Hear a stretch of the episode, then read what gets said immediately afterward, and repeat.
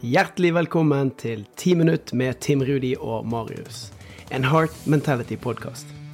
Hvis vi skal ta hverdagen som et eksempel, det som jeg syns er spennende, er jo at Og det er et flåsete ordtak, men det er at folk overvurderer det du kan få gjort på en dag, og undervurderer det man kan få gjort på et år.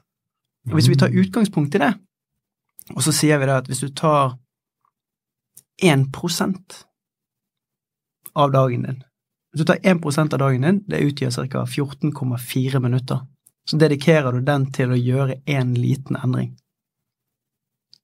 Så vil du få massive resultater hvis du gjør det hver dag. Men så ser vi litt på, på mål og endring som en sånn stor elefant. Åh, jeg skal bli verdens mest fitte, raskeste, sterkeste, spise sunnest. Og så skal vi gjøre alt det i én smell. Så gjør vi det en uke, 14 dager, og så er det stopp. Og så venter vi et år ja. før vi begynner på nytt. Ja, hva, hva er det som skjer da? Altså, hva, altså, kan vi leke med et lite eksempel på hva en sånn type 1% kunne vært? Det er jo for å skape et bilde, da. Se for deg at du skal gå ja, 10 kilometer. Mm. Det å gå én grad feil på kompasset når du starter, det er ikke så mye. Men etter å ha gått ti kilometer, så kan du ende kjempelangt unna det opprinnelige målet ditt. uh, og jeg har ikke det helt i hodet hvor mye det faktisk utgjør, men se for deg at du tar feilevalg. Du jobber med, med vaner som er negative, så har du 1% reduksjon i det du gjør, Mm. og så kan du gjøre det positive. Så du har 1% med positive handlinger og positive aktiviteter. Når dette her legger oppå seg gjennom et helt år, så vil du få fremdrift og skape nye vaner. Men akkurat det eksempelet du tar der, det Altså, wow, jeg tenker på det nå. Gå litt grann feil hver dag. Altså, du merker jo ikke det i det hele tatt når du er ute og går der. Du merker jo gjerne ikke den starten når du setter i gang, men over et helt år, altså hvor langt man kan gå feil hvis man har en sånn lite steg i, eh, i feil retning. Det er et utrolig godt eksempel. Men eh, sånn, eh, hvis du tenker på hverdagen, da, og ting man kan gjøre i hverdagen, hva er sånne uh, typiske ting der som kan være en sånn, en sånn skikkelig fet 1% å, å jobbe med? En skikkelig fet ting å jobbe med. Og, det, og vet du, det her, det her syns jeg er litt interessant. da. Og det er, kanskje jeg skal måtte balansere det ned litt her, men i disse her målene så kan det finnes masse kule ting å oppnå. Men i vanene så er de faktisk ofte ganske kjedelige. For det det er noe som er rutinepreget.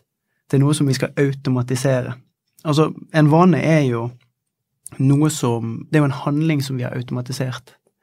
Og når vi gjør en vane, så tenker ikke vi noe over det.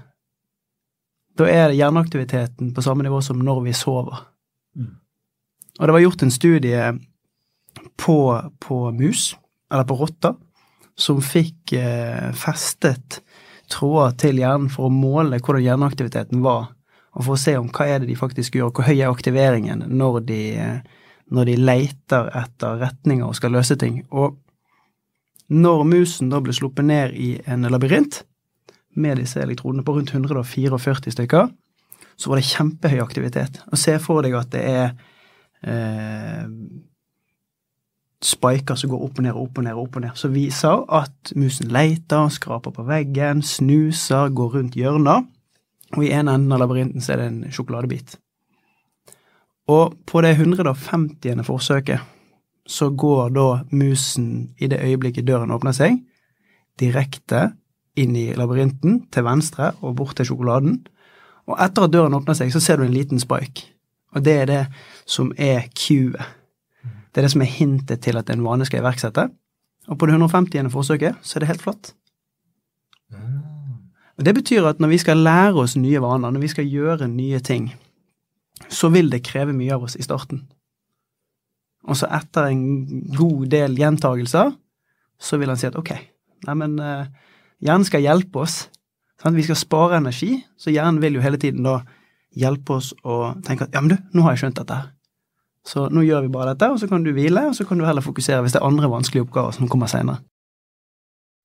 Når når hjernen vår da automatiserer, så bruker vi mindre hjernekapasitet. For vi har ikke muligheten til å være bevisst alt som foregår. Alle inntrykk, alt som vi både føler og kjenner på kroppen, alle handlingene og valgene vi gjør. Altså bare det fra vekkerklokken ringer til vi slår opp øynene våre, trekker inn pusten, kikker rundt i rommet, setter beina i bakken, skrur av vekkerklokken, går ut på badet, åpner skuffen, tar ut tannkosten, tar på tannkrem, åpner vasken, tar tannkosten under vasken. Det er veldig mange steg. Så hvis vi skulle vært bevisst hvert enkelt av de stegene, så hadde vi vært utslitt før vi hadde kommet ned til kjøkkenbordet. Så istedenfor da, så, sier, så, så, gjør vi det til en automatisk handle, handling, og så sparer vi den energien. Det, det, er veldig godt at jeg slipper å tenke på, på alt jeg gjør.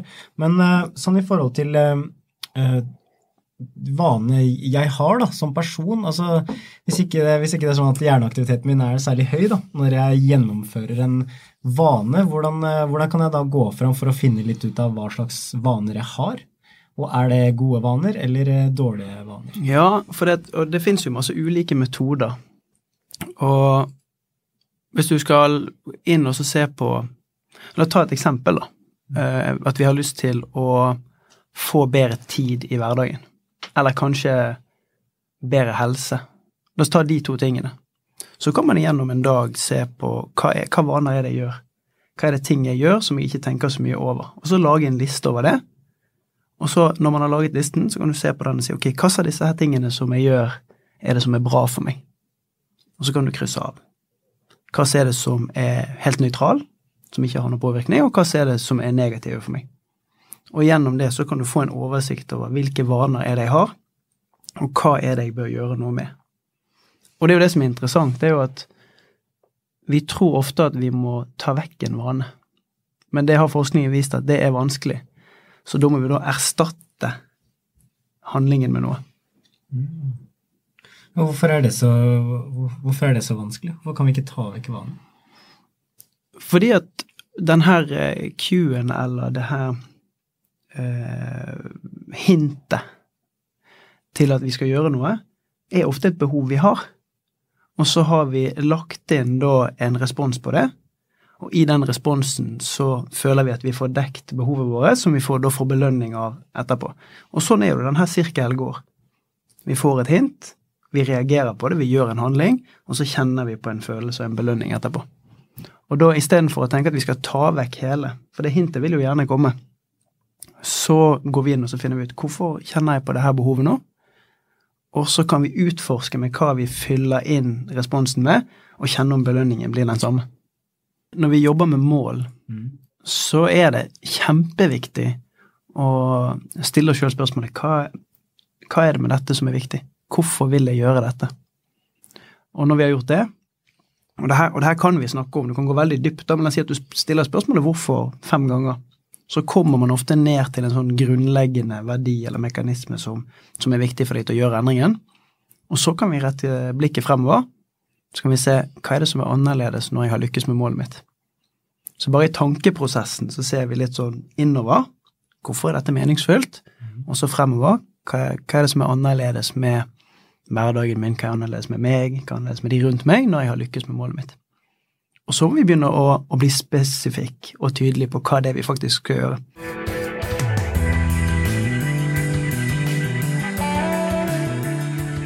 Tusen hjertelig takk for at du lytta til den episoden her av podkasten. Det var faktisk fra en uh, samtale som uh, Tim Rudi hadde tilbake i 2019 hvor uh, vi rett og slett satt en times tid og nerda om vaner, mål, hvordan eh, klare å faktisk ta action på det du ønsker å gjøre. Og fikk han til å coache meg litt på noen vaner, så det er fare for at jeg klipper ut noen flere sekvenser fra den samtalen her og deler i podkasten her, fordi at Tim Rudi er helt rå på hvordan få mennesker til å se verdien av de små valga, sette det i system og faktisk uh, get uh, shit done. Så det er ganske heftig. Og du hører kanskje at jeg er på toget nå. Og det er fordi at jeg er på vei til eh, Trondheim for å spille inn flere episoder. Så det gleder jeg meg også veldig masse til. Tusen takk for at du deler podkasten på Instagram at eh, Team Heart Mentality. Og jeg gleder meg til fortsettelsen. Og send oss gjerne en melding på Instagram eh, også, eller legg igjen en review. Og fortell hva du syns, så er det kjempenyttig, og ikke minst blir vi veldig glad. så tusen takk for at du lytter. Nyt dagen videre. Og hva er en liten ting som du kan gjøre i dag? Få det på. Vi snakkes.